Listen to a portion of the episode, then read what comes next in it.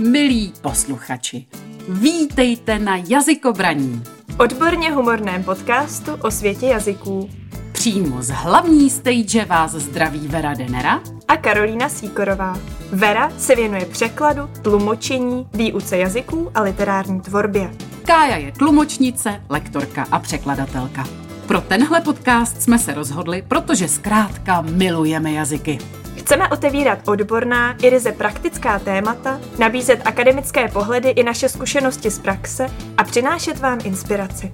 Jazykobraní je určené všem jazykovým nadšencům, studentům, lektorům a učitelům, tlumočníkům a překladatelům, cestovatelům a dobrodruhům. Zkrátka všem, komu jazyky otevírají brány k lidem, zážitkům a poznání. Tak ať je pro vás i dnešní díl obohacením a důkazem, že i zdánlivě těžká témata lze uchopit s lehkostí.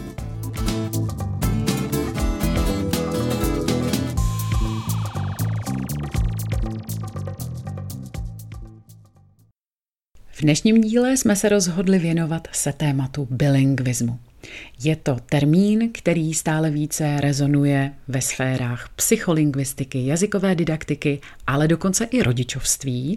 A nás s Kájou bilingvismus, eh, jak z hlediska profesního a našich rolí tlumočnic, překladatelek a lektorek, tak z osobního hlediska, kde zastáváme třeba roli rodičů, velice zajímá.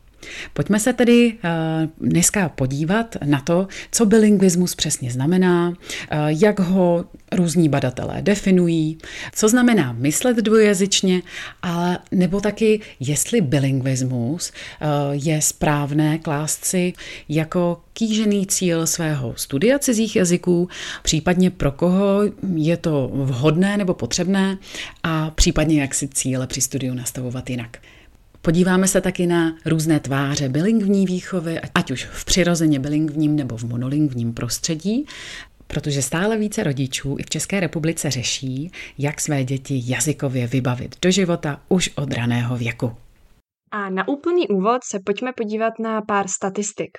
V posledních desetiletích badatelé například opakovaně tvrdili, že polovina světové populace, možná i více, je bilingvní. Ale je pravda, že to jsou pouze odhady, protože úplně přesná data celosvětová nemáme. A jak to vypadá v Evropě? Zpráva Evropské komise z roku 2006 ukázala, že okolo 56% obyvatel eh, z 25 evropských zemí ovládá druhý jazyk tak dobře, aby se v něm účastnilo konverzace. Pro srovnání v Kanadě je 35% obyvatel bilingvních a v USA zhruba 18 až 20% Naopak v Ázii nebo Africe bývá úplně normální umět a užívat v běžném životě hned několik jazyků. Téhle souvislosti se často mluví i o multilingvních společnostech, a s tím, že mm, takovým příkladem může být třeba bývalý sovětský svaz. Tam existovalo zhruba 120 národních jazyků v těch jednotlivých částech Sovětského svazu plus ta ruština. To znamená, že ti obyvatelé většinou znali ten svůj národní jazyk plus tedy tu ruštinu, která byla takovou tou oficiálnější nebo používala se v té oficiální komunikaci. Eh, já myslím, že běžný člověk normálně neuvažuje o mnoha koutech světa jako o multilingvních společnostech. Takže to je eh, ohromně zajímavý fakt.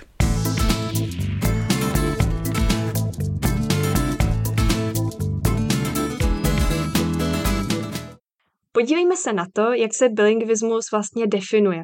Ono to totiž s tím bilingvismem vůbec není jednoduché a každý ten badatel v každé té studii používá trochu jinou definici bilingvismu. Mm, za posledních 25 let zaznamenali výzkumy v oblasti bilingvismu opravdu velký rozvoj a, jak jsem říkala, těch definic je opravdu hodně. Jaká je ta první? Například eh, francouzský jazykovědec François Grosjean termín bilingvismus chápe v celkem širokém pojetí a podle něj slova bilingvní a bilingvismus znamenají různé věci v závislosti na kontextu.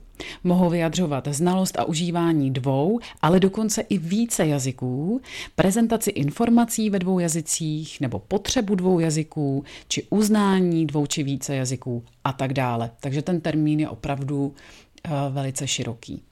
A to je vlastně zajímavý, protože já bilingvismus tak nějak jako přirozeně jsem většinou chápala jako ten simultánní bilingvismus. To znamená jako ten bilingvismus, kdy máme od narození dítě, co vyrůstá v bilingvním prostředí a od rodičů se teda učí třeba česky a německy a podobně. Takže eh, je vlastně zajímavý, že jsou badatelé, kteří to chápají jenom čistě jako ten simultánní a potom jsou badatelé, kteří to chápají opravdu jako velmi, velmi široce. Mimochodem teda, když už jsme u toho simultánního, tak jeho opakem je sukcesivní bilingvismus, což je bilingvismus, kdy my si ten jazyk osvojujeme až později v životě. A právě v oblasti toho sukcesivního bilingvismu se badatelé rozcházejí nejvíc, protože tam do hry vstupují různé faktory, třeba jako je míra osvojení a vůbec eh, jazyková kompetence v daných jazycích, protože někteří badatelé jsou poměrně striktní a o bilingvismu hovoří jenom v případě, kdy daný mluvčí dokáže eh, velice zdatně ovládat vlastně všechny složky jazyka, to znamená mluvení, poslech, psaní a čtení, zatímco pro jiné výzkumníky je bilingvismus chápán jako schopnost ovládat více než jeden jazyk na jakékoliv úrovni. Zároveň je fajn si asi uvědomit, že ten bilingvismus není nic statického. Je to něco, co se vyvíjí, je to dynamické, je to, řekněme, nějaká jazyková znalost nebo dovednost, která se může jak posilovat, v tom asi pro nás uh, lepším případě, ale taky vytrácet. To znamená, že se může stát, že uh, začneme přicházet o ten jeden jazyk a postupně si nemůžeme třeba vybavovat věci. A může to být mimochodem klidně i ten mateřský jazyk, což podle mě je vlastně uh, hrozně, hrozně zajímavá věc, že se člověku stane, že najednou líp se vyjadřuje nebo líp vlastně přemýšlí v tom cizím jazyce oproti tomu, který zná už od dětství. Hmm. V téhle souvislosti se používají termíny jazyková dominance, kdy uh, zpravidla vždycky jeden jazyk je ten dominantní a další jsou jazyky slabší, nebo třeba druhé jazyky se taky nazývají. A tahle dominance se může měnit podle různých okolností a příležitostí k užívání, uh, které samozřejmě ovlivňují různé životní okolnosti. Mimochodem, my jsme zmiňovali ten bilingvismus, ale tak je asi fajn eh, říct si něco o bikulturalismu, protože on v tom je docela rozdíl.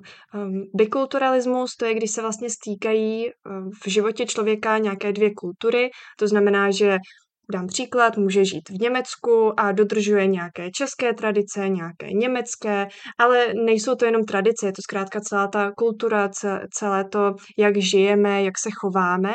A to, že člověk žije v nějakém bikulturním prostředí, ještě vůbec nemusí znamenat, že je zároveň bilingvní a naopak. To znamená, že stejně tak my můžeme znát spoustu jazyků, ale už si je třeba tolik nespojujeme s tou kulturou, nebo třeba neznáme to prostředí tak dobře a spíš jsme vlastně, řekněme, monokulturní a zároveň můžeme být polygloti. Mně to vede k tomu, že mm, tohle se vlastně mm, velice ožehavě řeší eh, třeba mm, třeba v oboru translatologie, kde vlastně kromě jazyka samotného se studují ty konvence tak, aby prostě eh, člověk, který ten obor vystuduje a chce být překladatelem nebo tlumočníkem, správně vlastně pronikl i do té cílové kultury. Takže uh, takovéhle studium jazykové a stejně tak na tom jsou filologie a apelují nejenom na ten jazyk, ale i na tu kulturu. Takže vedou k bikulturalismu.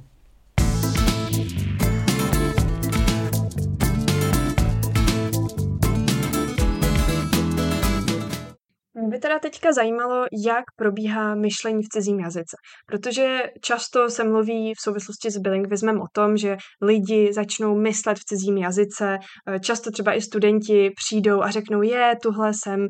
Prostě najednou se přistihl, jak přemýšlím v angličtině nebo jak přemýšlím v ruštině, v jakýmkoliv jazyce, tak jak to teda funguje, jak funguje myšlení v cizím jazyce, co to znamená, jak to probíhá.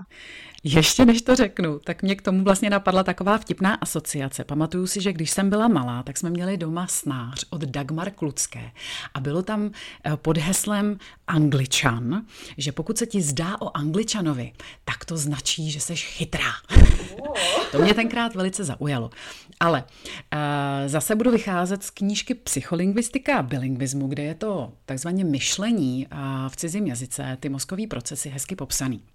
Podle tohle toho popisu se vlastně člověk, který uh, ovládá dva nebo více jazyků pořád ocitá v takovém kontinu mezi dvěma póly a těm pólům se říká monolingvní a bilingvní pól. A to jak eh, svižně nebo jak často přepíná mezi těmito dvěma póly a kde v tom kontinu se ocitá, eh, záleží na několika proměných, eh, což je vlastně vůbec míra, do jaký ovládá ty dané jazyky a taky míra aktivace. To znamená třeba, jak často je používá. Uvedu příklad. Já mám třeba na dobrý úrovni, kromě mateřské češtiny, angličtinu. Mývala jsem na dobrý úrovni i španělštinu, ale poslední dobou ji nepoužívám tolik. Takže mi třeba trvá tři dny, než se do ní plně dostanu, když jsem například na dovolený. A až v té chvíli jsem jako plně v tom bilingvním módu a cítím, že pro ten mozek je to mnohem snazší, než to bylo, když prostě uh, musel ten jazyk vytahovat uh, od někud z nějakých prostě zapomenutých sfér mozku.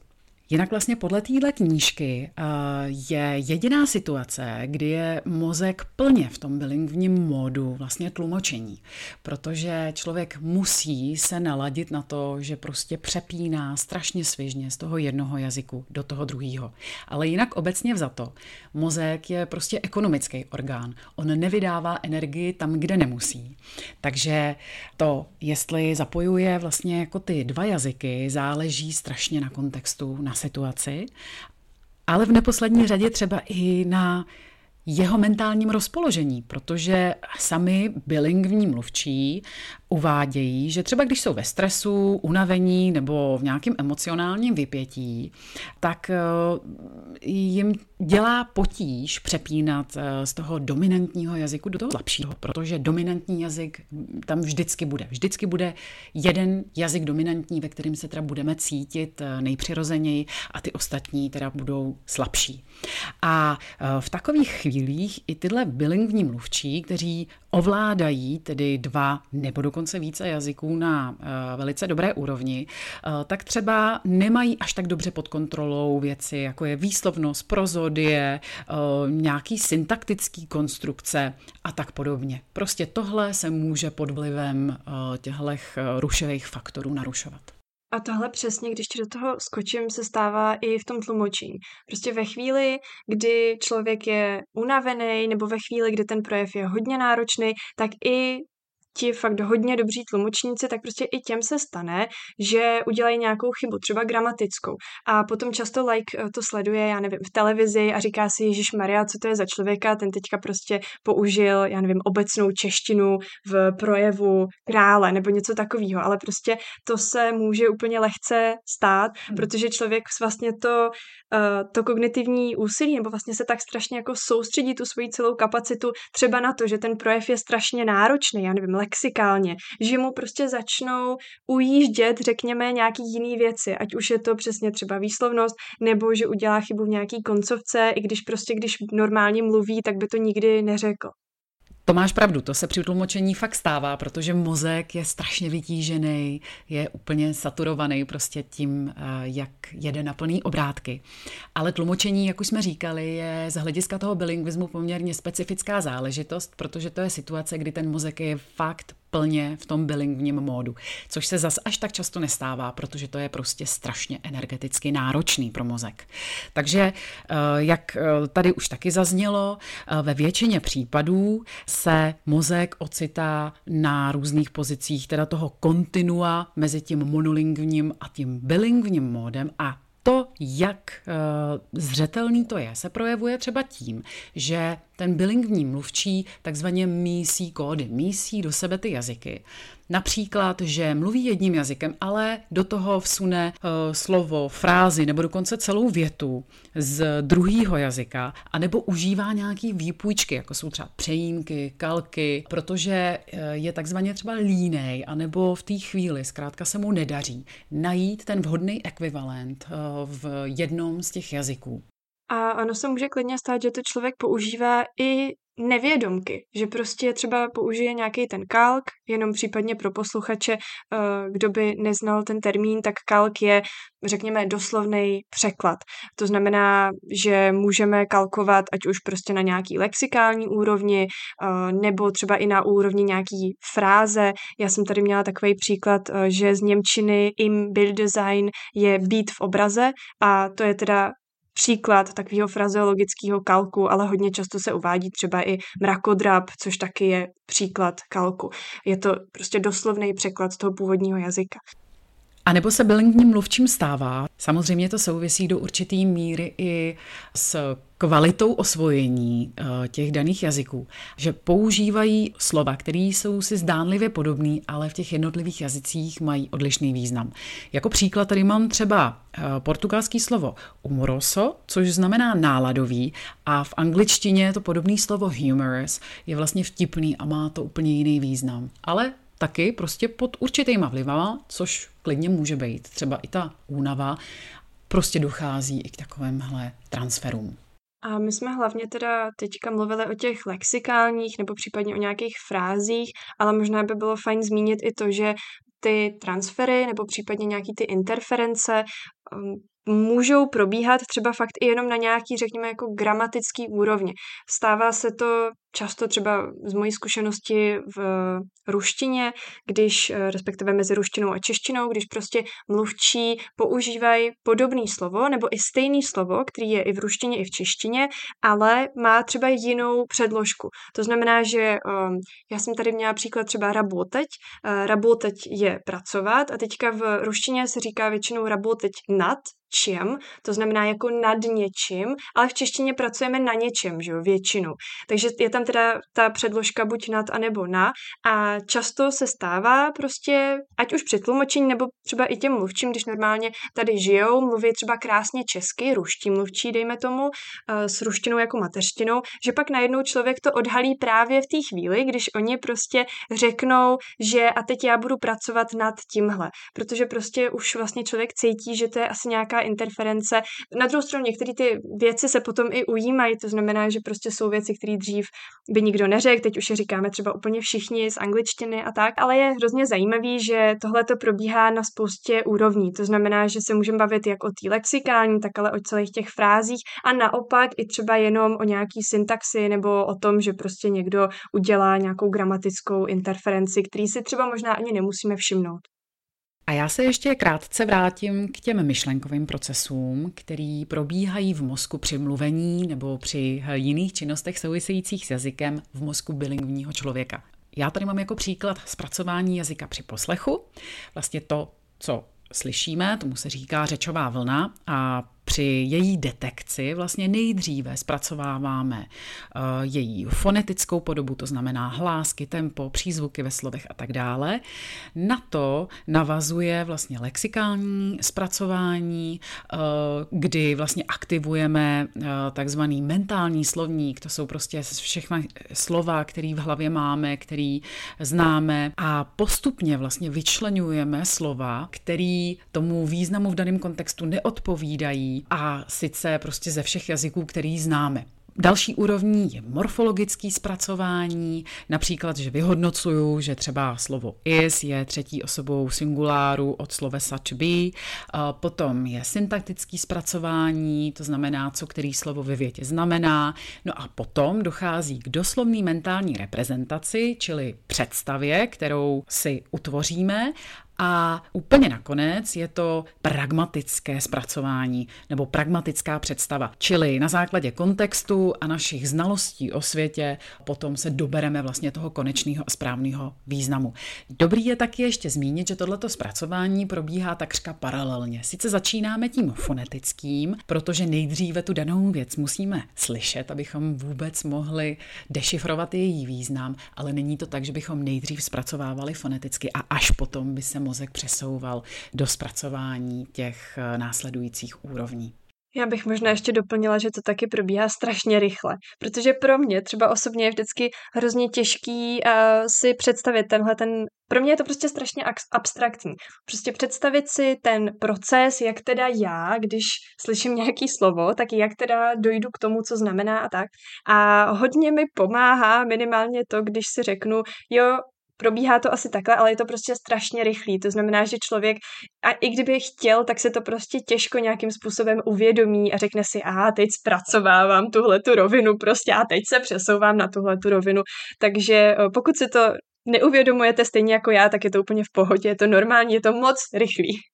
A v této souvislosti se ještě vlastně vědci zaobírají otázkou, jestli to zpracování je takzvaně selektivní nebo neselektivní. Selektivní znamená, jestli ten daný člověk zpracovává eh, ten text, který slyší, vlastně v rámci jenom toho jazyka, ve kterým ten text je, anebo jestli zároveň aktivuje i jazyky, který prostě v tom mozku má a který taky vlastně spadají do toho jeho vnitřního lexika. A závěrem jejich poznatků je, že vlastně člověk, který je bilingvní a má jazyky aktivní, vždycky do nějaký míry bude zpracovávat všechny jazyky, který zná. Já teda tohle to můžu potvrdit, protože mně se třeba stává, že když vidím nějaký slovo bez kontextu, tak prostě automaticky jako někdy mi spíš spadne k jednomu jazyku, někdy spíš k druhému jazyku, takže se mi třeba stává, že vidím slovo chat a teď prostě někdy si myslím, že to je čet a někdy prostě z nějakého důvodu ta hlava si automaticky myslí, že jde o to, že já nevím, někdo má pět chat. Jo, takže prostě vlastně se mi ty jazyky tak záhadně občas spojujou a myslím si, že to je strašně, strašně zajímavý, jak prostě někdy ta hlava pracuje tak, že se spíš pohybuje v té jedné sféře jazyka, nebo jako v tom jednom jazyce a pak prostě najednou si ta hlava um, jako usmyslí, že prostě teď je ten čas, kdy teda asi to je druhý jazyk, i když třeba vůbec není. Prostě záleží na té pozici, na který se nacházíš v rámci toho jazykového kontinua. A abychom schrnuli nějak tuhle tu kapitolu věnující se myšlení v jiném jazyce, tak eh, co to teda vlastně znamená myslet v jiném jazyce? Já bych řekla, že myšlení v jiném jazyce vlastně začíná tam, kde začlenuju do toho svého dominantního jazyku už prvky jiného jazyka a končí tam, kde plně takzvaně inhibuju ten jeden jazyk a myslím, vedu konverzaci nebo vytvářím nějaký text jenom v jednom z těch jazyků. Tak asi takhle by se to dalo schrnout, protože pohled na to je opravdu poměrně komplexní.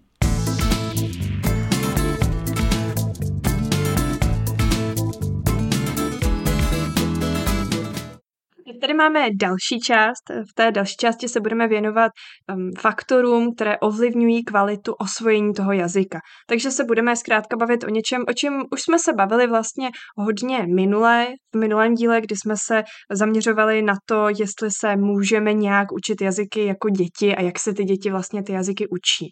Ale um, nebudeme samozřejmě všechno opakovat, chceme se hlavně podívat na to, jak se teda liší ty monolingvní děti od těch bilingvních co se tedy eh, osvojování jazyka týče. Já bych teda začala tím, že nejožehavějším faktorem při učení se jazyka, cizího nebo druhého jazyka hlavně, je věk. Na to asi bylo provedeno nejvíc studií v oblasti psycholingvistiky, protože tam se vědci stále neschodují anebo dochází k závěrům, který nejsou uspokojivý, a to třeba z hlediska velikosti nebo kvality vzorku a studie, které třeba platily po určitou dobu v minulých dekádách, potom už vlastně byly překonaný. Pojďme si teda udělat takový krátký historický exkurs, jak se v minulosti vědci na tuto otázku dívali. Já bych nejdříve zmínila, že je několik takových mezníků v životě, který se objevují eh, ve studiích opakovaně a to je eh, první rok života, pátý rok života a potom zhruba 15. a 16. rok života. Ten první až pátý rok, nebo v obecnějším smyslu raný věk, je důležitý hlavně z hlediska výslovnosti. Tak když to vezmeme chronologicky a začneme od toho prvního mezníku, což teda je ten první, respektive pátý rok života, a když to vezmu v širším smyslu slova, tak je to rané období, řekněme, předškolní. Tak to je podle vědců a závěrů jejich studií věk, kdy lidský mozek je schopen si vlastně vytvářet separované kategorie pro jednotlivé jazyky, co se týká jejich fonologických systémů.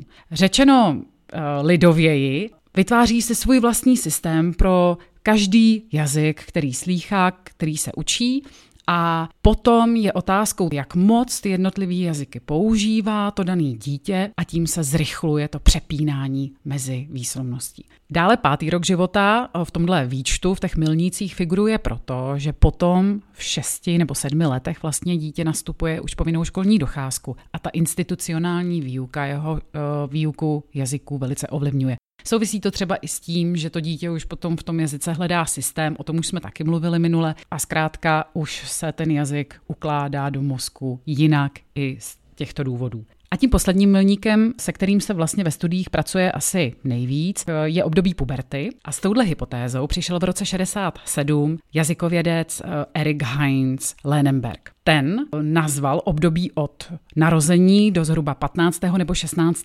věku života kritickým obdobím a tvrdil, že právě v tomhle období se člověk učí jazyky snadno a vždycky potom už se bude učit mnohem hůř a mnohem krkolomněji. Tvrdil, že to souvisí s vývojem mozku, že právě v pubertě se dokončuje lateralizace eh, mozkových hemisfér a zkrátka potom, že už jsou ty systémy příliš uzavřeny a člověk si k ním složitě hledá cestu. Nicméně v roce 78 byl tenhle termín nahrazen termínem senzitivní období, protože kritické období bylo prostě pojímáno jako přemrštěné, jako prostě příliš radikální. A závěry těchto mladších, o 11 let mladších studií vlastně přicházely s poměrně optimistickými závěry. Sice potvrdili tu Lenenbergovu původní hypotézu, že do puberty se člověk obecně učí jazyky trochu lépe, ale nevylučovali, že by eh, se mohl jazyky učit člověk stejně tak dobře i po dovršení toho 16. roku života. Do studie jazyků totiž podle nich vstupuje tolik faktorů, že nelze jednoznačně říct, že věk je právě ten určující, takže člověk má velikánský prostor eh, svoje studium ovlivnit. To znamená, že teda věk je jenom číslo a že na toho Erika se úplně tak vymlouvat nemůžeme. Je to tak. Nejenom v kosmetice, ale i v jazycích je věk jenom číslo. No ale uh, mně to přišlo teda ten výklad uh, velmi vyčerpávající, takže možná na odlehčení. Pojďme se podívat na takovou jednu studii, která mě zaujala a já už jsem tady říkala před natáčením, že to je prostě pro mě hit tohohle dílu. A to je prosím strnadec bělokorunkatý což je pták. Eh, je to teda výzkum z roku 1970 a byl to výzkum, který se zaměřoval právě na to, jak zpěvní ptáci zpívají a jak si vlastně osvojují prostě to zpívání, ten zpěv, nebo tu jejich uh, řeč, řekněme. No a tenkrát to udělali tak, že teda vědci vyčlenili na nějakou dobu mláďata z jejich přirozeného prostředí a pozorovali, jakým způsobem bude ten pták v izolaci schopný zpívat. A tenkrát se ukázalo, že čím delší byla ta izolace, tak tím hůře ty ptáci zpívali. To znamená, že teda eh, ti ptáci, kteří byli dlouho v izolaci, tak už nebyli schopní se naučit zpívat tak rodile, jako ty ptáci, kteří v žádné izolaci nebyli. To znamená, že teda ten věk eh, tady v té, eh, co se týče té tý fonetické stránky, je hrozně důležitý, ačkoliv jsme říkali, že je to jenom číslo, tak bych řekla, že fakt u té fonetiky je to prostě rozhodující faktor. Mm-hmm. Ale pořád teda není jasná ta hranice, jestli to je třeba těch pět let nebo těch 15, 16, v tom stále nepanuje schoda, ale i pokud eh, někdo tohleto eh, senzitivní období promešká, tak eh, jenom chci ještě jednou zopakovat, že vlastně nic není ztraceno, protože do toho studia vstupují faktory, jako je vlastní motivace k tomu studiu, samozřejmě podmínky a příležitosti k užívání a taky kvalita těch informací, kvalita inputu takzvaně, nebo i třeba lektor, jak je člověku sympatický člověk, který ho ten jazyk učí a, a tak dále. Těch faktorů je zkrátka celá řada. No ale eh, teď jsme teda se bavili o té fonetické stránce nebo o tom zpívání těch ptáků, těch strnadců, eh, který prostě se mi strašně líbí, ale pojďme se podívat na další takový faktor, co se týče osvojování toho jazyka. To je taky něco, čeho už jsme se dotkli minule, bavili jsme se vlastně o tom, že čím je člověk starší, tím víc hledá nějaký systém. Tak jak tohle to souvisí? Téhle oblasti se zase věnovaly dvě lingvistky Jonesová a Newportová, které přišly s takovou další vlivnou hypotézou, které říkají méně je více. Ta se zakládá na tom, že děti mají výhodu oproti dospělým tu, že vlastně jsou v jiné fázi kognitivního vývoje, mají jiné, respektive menší kognitivní schopnosti a nejsou tak zahlcené informacemi. A tím pádem jim to studium jde s nás. Zase se odkazuju k tomu minulému dílu Učme se jako děti, protože tam už jsme říkali, že vlastně těžko se jako dospělí, kteří uvažujeme komplexně, dostaneme znovu do role dítěte, kterému je pět let. Byť, někteří to zvládají. Ano, třeba po pár deci alkoholu, ale obecně je tohleto asi eh, fakt, který musíme přijmout, že v tomhle opravdu děti mají oproti dospělým výhodu.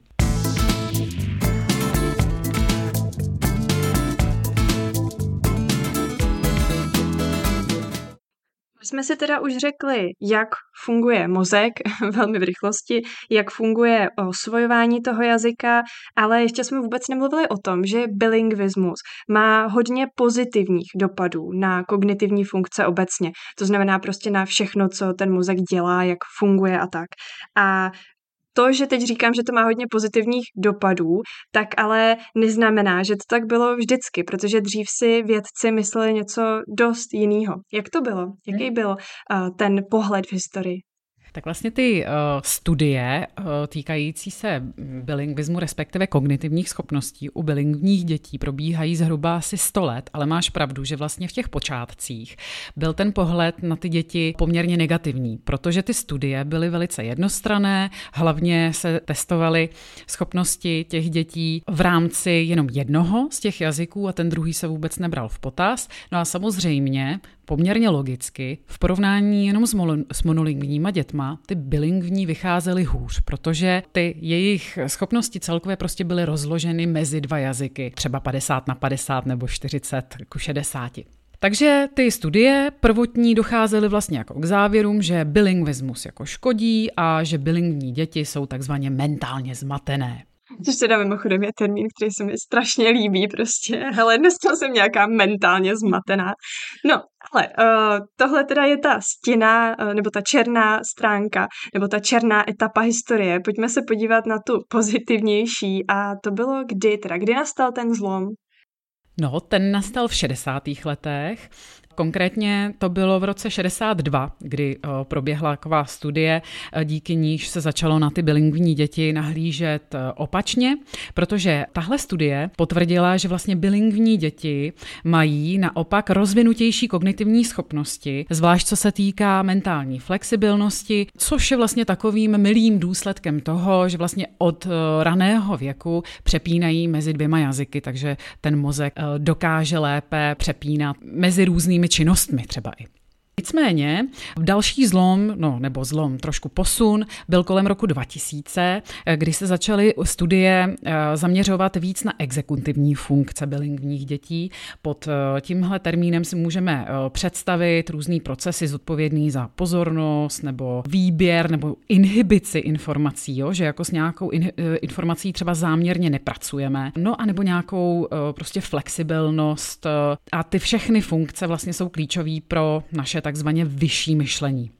No a tyhle nový výzkumy po roce 2000 vlastně přinášejí poměrně jako silný doklady, že eh, děti, které eh, jsou bilingvní už od toho raného věku, mají tyhle schopnosti na velice dobrý úrovni, na lepší úrovni než eh, monolingvní děti a co víc, že tyhle schopnosti potom jim zůstávají v průběhu celého života po dospělost i po stáří. Ale aby to celé nepůsobilo tak abstraktně, možná bychom mohli představit, jakou formou se vlastně testovaly ty schopnosti bilingvních dětí. Tak můžeme představit, jakým způsobem se schopnosti těch dětí testovaly. Já tedy jako milovník uh, konkrétních informací a um, jako člověk, který nemá úplně rád ty abstraktní uh, pojmy, tak ráda představím první studii. Máme tady studii, která se dělala na dětech, kterým bylo 4 až 5 a vlastně oni měli za úkol rozhrazovat kartičky. Rozhrazovali kartičky podle barev nebo podle tvarů. A dělalo se to tak, že vlastně ty děti ehm, nejdřív třeba rozhrazovaly podle barev a potom měli za úkol to rozřadit podle tvarů, i když třeba ta barva neodpovídala. To znamená, že vlastně k sobě pasovaly dvě kartičky ehm, tvarově, ale ne teda třeba tou barvou. A ukázalo se, že bilingvní děti vykazovaly teda lepší výsledky, co se týče toho rozrazování. A vědci teda tenkrát došli k závěru, že tak, jak děti jsou schopní vlastně odfiltrovávat ten jazyk, který aktuálně nepotřebují, tak stejně tak jsou schopní odfiltrovávat ty informace nejazykového charakteru, který zrovna nepotřebují, ať už to teda byla ta barva, nebo uh, mohlo by to být cokoliv, cokoliv jiného.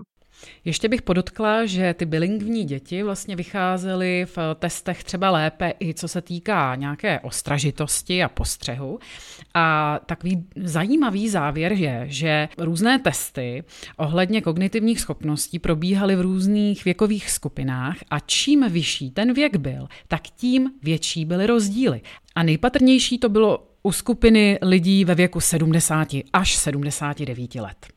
A takovým vyústěním těchto studií vlastně byl závěr, že bilingvismus, eh, konkrétně raný bilingvismus, má v podstatě ochranný efekt před nástupem stařecké demence. Což je určitě pozitivní zpráva pro všechny bilingvní lidi, kteří nás poslouchají. Každopádně ale ještě se taky zjistilo, což já jsem třeba nevěděla, že bilingvní mluvčí mají větší hustotu šedé mozkové kůry.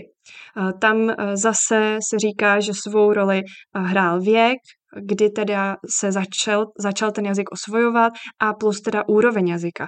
Což je taky zajímavý, protože zjistili, že čím ranější věk počátku, tak tím teda vyšší hustota šedé kůry a zároveň ale i čím vyšší úroveň toho jazyka, tak zase tím vyšší hustota šedé kůry.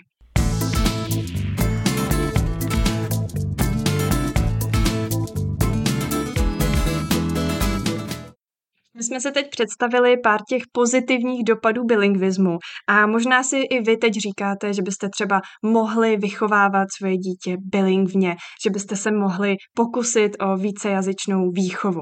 Ehm, spousta lidí to tak dělá, je to čím dál aktuálnější, i třeba u nás v Čechách, v takovém tom klasickém monolingvním prostředí.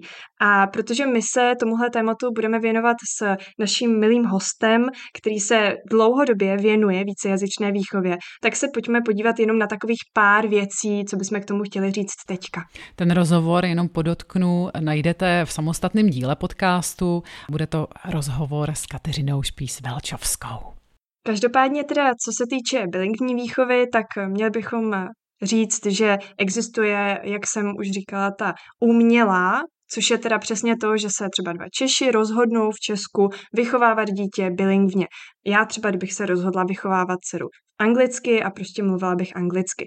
Což ale neříkám úplně přesně, protože to neznamená nutně, že bych musela mluvit jenom anglicky, že jo. Oni tam jsou určitý principy, který se dají dodržovat, nebo podle kterých vlastně se ta vícejazyčná výchova může praktikovat. No, nebo já bych spíš upřesnila, že aby ta bilingvní výchova byla úspěšná, tak tam dokonce musí být nějaká strategie vědomně stanovená, kterou budou ty rodiče uplatňovat, protože bilingvní výchova, ať už probíhá v tom přirozeném prostředí, anebo uměle v tom monolingvním, vyžaduje fakt velkou disciplínu. Takže nikdy není zadarmo. A já se přiznám, že vlastně já jsem nakonec vyhodnotila, že se nechci vzdávat své mateřštiny a pro tu bilingvní výchovu jsem se třeba já osobně nakonec nerozhodla.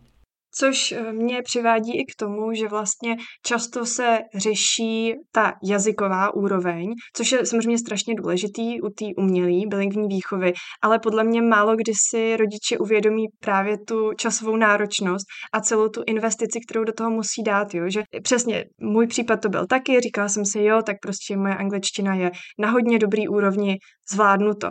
A vůbec mě, a jako furt jsem řešila tu jazykovou otázku, která samozřejmě taky hraje tu roli, ale vůbec mě nedocházelo přesně, že budu muset být, nebo asi docházelo, ale nechtěla jsem se to přiznat, že budu muset být důsledná, že jo?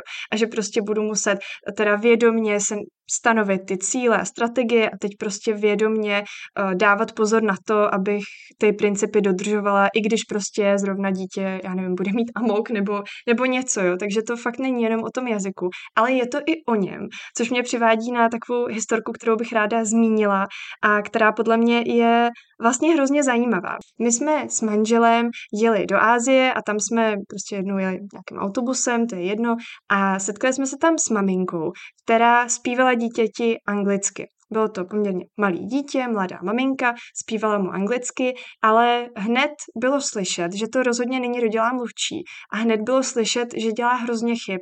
Co se týče třeba toho zpívání, tak to ještě měla jakž tak jako naučený, ty dětské říkanky nějaký, ale nebo písničky, ale jakmile chtěla tomu dítěti říct třeba koukej, tamhle je něco a tady je tohle, tak prostě dělala úplně vlastně elementární chyby, které my třeba tady prostě neděláme ani, já nevím, dejme tomu třeba v pátý třídě, prostě už to jsou věci, které třeba ty děcka uh, umějí a učí se to v té škole. Ale já vlastně ono to teď asi zní hrozně jako, že to chci pohanit, ale vlastně tím jako chci říct, že je otázka, jestli teda ten rodič vyhodnotí, že ta jeho úroveň je dostačující a jestli to, co předá tomu dítěti, bude dostačující. Protože je možný, což já nedokážu takhle jako jen tak od oka samozřejmě posoudit, že třeba pro to prostředí v té Ázii, kde my jsme byli tenkrát, ta úroveň, kterou ta maminka předá tomu dítěti, prostě dostačující bude a že i tak to pro něj nějaká výhoda bude. Jo? A teď jako nechci, nejsem na to odborník, nechci polemizovat, jak to je a není, ale jenom prostě chci říct, že si myslím, že fakt je potřeba, aby si to ty rodiče hodně dobře rozmysleli, jak tu časovou investici, eh, tu energii, co tomu budou muset věnovat a i tu svoji úroveň, pokud se teda bavíme o té umělý bilingvní výchově. Tak tím si Kája udělala takový hezký úvod právě jako k tématu té bilingvní výchovy a my znovu teda zveme na ten náš následující díl, který je eh, tomuto tématu celý věnován. No a závěrem se ještě teda eh, dostaneme k bodu, který nám chybí eh, z těch bodů, které jsem předesílala v úplném úvodu a to je bilingvismus jako cíl studia.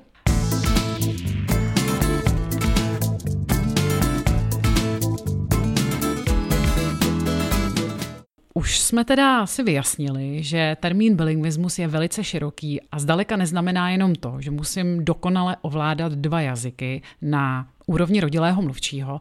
Nicméně, myslím si, že většina lidí má pořád tenhle termín s touhle schopností spojený. A důsledkem toho je, že když se učí cizí jazyk, tak si přejou být na úrovni rodilého mluvčího a dokud se tam podle svého vlastního hodnocení nedostanou, tak neustále trpí pocitem méněcenosti, že ten jazyk neovládají ještě tak dobře. Kájo, je podle tebe nutnost eh, mít ten bilingvismus jako cíl při učení se cizího jazyka? Podle mě určitě ne. Mhm. Abych jako začala pozitivně, určitě ne. Záleží vždycky na tom, co člověk chce od toho jazyka, eh, jak ho chce používat, jestli ho potřebuje eh, k práci, jestli ho potřebuje jenom, aby, jak ty eh, říkala předtím, si objednal pivo v Německu a podobně. Takže strašně prostě záleží na tom, jaký je náš primární cíl, co se týče používání toho jazyka. A mm, samozřejmě, že pokud se bavíme o tom, že někdo chce být, já nevím, tlumočník, tak tam jako se předpokládá, že základní premisa je, že prostě bude umět ten jazyk výborně. Na druhou stranu, eh, když si řeknu, že chci ten jazyk práci, jako nějaký jiný nejazykový, tak podle mě vůbec není potřeba si říct, že teda budu mluvit jako rodilák, nebudu dělat žádné chyby, eh, nebudu prostě, budu mít výbornou výslovnost a podobně, protože si myslím, že to je strašně demotivující. Prostě dát si takovýhle cíl třeba na začátku, když začínám s novým jazykem, to mně přijde, že prostě je možná jako i nereálný, jo, a spoustě lidem se to ani nepodaří dosáhnout fakt takový úrovně, co se třeba výslovnosti týče, že nepoznají lidi, že nejseš rodilák. To si myslím, že je prostě fakt, který člověk musí přijmout, aby se u toho studia jazyku nezbláznil.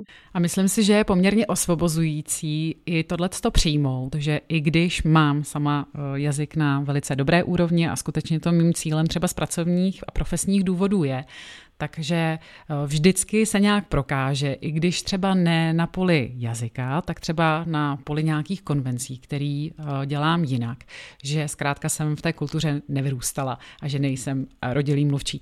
Takže z mýho pohledu je opravdu velice důležitý si uvědomit, že tohle přiznání nebo tato skutečnost fakt není v tom studiu nebo v té schopnosti žádný stigma. Nehledě na to, že já si myslím, že už jsem to možná zmiňovala minule, ale zmíním to klidně ještě jednou, že podle mě je vlastně strašně pěkný a povzbudivý, když si uvědomíme, jak dobří rodilí mluvčí jsme ve svém mateřském jazyce. Jako jenom za dobu, když člověk natáčí podcast a slyší se potom, nebo prostě když eh, dělá nějakou přednášku nebo cokoliv, tak si prostě uvědomí, kolik udělal chyb, kolik rád se přiřekl, eh, možná třeba dal i přízvuk někam špatně, kde nemá být. Takže podle mě to je vždycky pozbudivý si uvědomit, kolik chyb dělám v tom svém mateřském jazyce a jestli teda vlastně už nejsem třeba i na úrovni rodiláka v cizím jazyce, když občas sem tam se nějak přeřeknu. To máš pravdu. To je opravdu povzbuzující závěr. Tak na úplný konec dnešního podcastu si pojďme tedy zase dát naše rubriky jako minule. První je palec nahoru. Co tebe teda v oblasti bilingvismu nějak inspirovalo nebo uh, ti přišlo skvělý? Já jsem to sice nezmiňovala, ale mě hrozně zaujala jako tlumočnici taková případová studie, byla to diplomka Marie Šindelářové z Ústavu translatologie. Ona se věnovala právě tomu, jak dítě působí jako tlumočník. To znamená, že prostě zkoumala, jak dítě, když tlumočí, eh, vlastně řeší tlumočnické situace a jakým způsobem to teda dělá. A prostě bylo to, bylo to vlastně hrozně, hrozně zajímavá práce. S tím, že teda eh, ještě jsem neřekla to nejdůležitější, bavíme se o bilingvních dětech, to znamená prostě klasická situace v Čechách, když třeba se sem Mm, přestěhujou, přestěhuje manželský pár, má tady dítě a ten pár třeba ten jazyk umí mnohem hůř než potom to dítě, tak to dítě tlumočí rodičům. No a pak se stává třeba to, že eh, má tlumočit o tom, že má ve škole špatný prospěch nebo že něco provedlo a možná si to třeba tak jako trošku zjemní a, a podobně. Takže to, to za mě je hrozně zajímavá diplomka a myslím si, že je to něco, čemu se mm, tady málo věnuje vlastně týhle problematice. A já dávám palec nahoru tomu, jak se proměňovaly v čase závěry studií týkající se bilingvismu a že už víme, že jazyk se dá naučit v každém věku a nikdy není pozdě. A co, Kájo, vnímáš naopak negativně, co se týká bilingvismu? Za mě by to rozhodně byly všechny ty mýty o vícejazyčné výchově a spoustě z nich třeba i já jsem podlehla, protože prostě jsem si to nenačetla třeba tak, jak jsem měla a nevěděla jsem. Takže to za mě je velká škoda. Můj palec dolů taky souvisí trošku s výchovou, protože ve svém okolí mám několik rodičů, kteří se snaží o bilingní výchovu, ale myslím si, že zbytečně až moc tlačí na pilu a stresují tím jak sebe, tak vlastně celou domácnost. Tak si myslím, že v některých případech to je ke škodě věci. A ještě jeden palec dolů, nebo spíš takový prostor pro zlepšení, řekněme, je, že když člověk začíná studovat cizí jazyk, tak pro jeho jazykové sebevědomí je velice dobré, když si ze začátku nastaví nějaký cíl, kterého jednak může dosáhnout a jednak který je pro něj opravdu potřebný a nemusí to skutečně být uh, mluvit jako rodilý mluvčí a aby na mě nikdo nic nepoznal.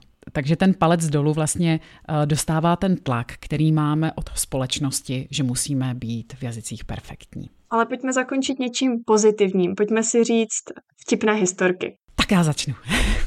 tak moje historka souvisí s takzvaným jazykovým transferem, kdy si člověk, který v této historce figuruje, myslel, že některá slova prostě fungují stejně napříč jazyky a že si nemusí ověřovat e, ekvivalent tohoto slova. Bylo to na takové mikulášské besídce, bylo to vlastně taková firmní párty, kde šéf té společnosti, se cizinec, ale mluvil česky, lámanou češtinou, představoval sebe a své dva kolegy na pódiu a on sám byl převlečený za Mikuláše. No a teď tou lámanou češtinou říká tomu publiku v sále. Takže dobrý den, všechny vás tady vítám a doufám, že byli jste hodní. Já přišel jsem jako Mikuláš, tady vedle mě je Andel, A tady je debil! Takže, uh, no, jako uh, i to, i to přináší učení se jazyku. Uh, každopádně moje uh, historka je ze Sri Lanky, kdy mě jako tlumočnici musel tlumočit můj manžel. Uh, stalo se to nejednou, stalo se to hodněkrát a bylo to tak, že já jsem tak nějak jako ve svojí píše jsem tak nějak nebyla schopná se přizpůsobit té angličtině, na kterou na Sri Lance byli zvyklí od těch turistů, jako prostě I want beer, že jo. To jsem prostě, teď mi to taky nejde přes pusu, ale, ale eh, kvůli vám to teda udělám, takže prostě tomu jsem se nechtěla přizpůsobit, což ale mělo za důsledek, že prostě ty a lidi si mysleli, že neumím anglicky, protože můj přízvuk, ještě navíc já mám strašně takový britský, takový fakt jako posh uh, přízvuk, uh, že si mysleli, že prostě neumím anglicky a tím pádem, když jsem něco říkala, tak si mysleli, že si myslím, že umím, ale že neumím a že teda uh, se potom musí obracet na toho manžela. Takže my jsme třeba byli ubytovaní u jednoho pána, který asi po dvou nebo no asi po dvou dnech se bavil s mým manželem, já jsem zrovna jedla, byla jsem taková potišejší a najednou prostě ho slyším, jak říká, no a ona ta tvoje manželka, samozřejmě teda anglicky, ona ta tvoje manželka, ta jako asi neumí moc anglicky, viď, že takhle jako musíš za ní, viď. Jo a teď to prostě chtěl jako s tím manželem uh, rozebírat a musím říct teda, že mě to přivedlo do rozpaku. Strašně jsem jako přemýšlela, co, co dělat, jako jak, jak s tím pracovat a uvědomila jsem si, že prostě ne vždycky to, že zní člověk jako rodilák, je výhoda. Může to být i velká nevýhoda. Život je zkrátka plný paradoxů. A tímto se s vámi loučíme a budeme se těšit na slyšenou u dalšího dílu. Doufáme, že vás náš díl podcastu bavil a obohatil. Uvítáme jakékoliv komentáře a připomínky, ať už k tématu nebo ke stylu, který jsme se rozhodli našemu podcastu dát. Sledovat nás můžete na sociálních sítích, na které najdete odkaz v popisu. A pokud by vás zajímaly zdroje, ze kterých jsme pro dnešek čerpali, neváhejte nám napsat. Těšíme se na vás u příští epizody Jazykobraní.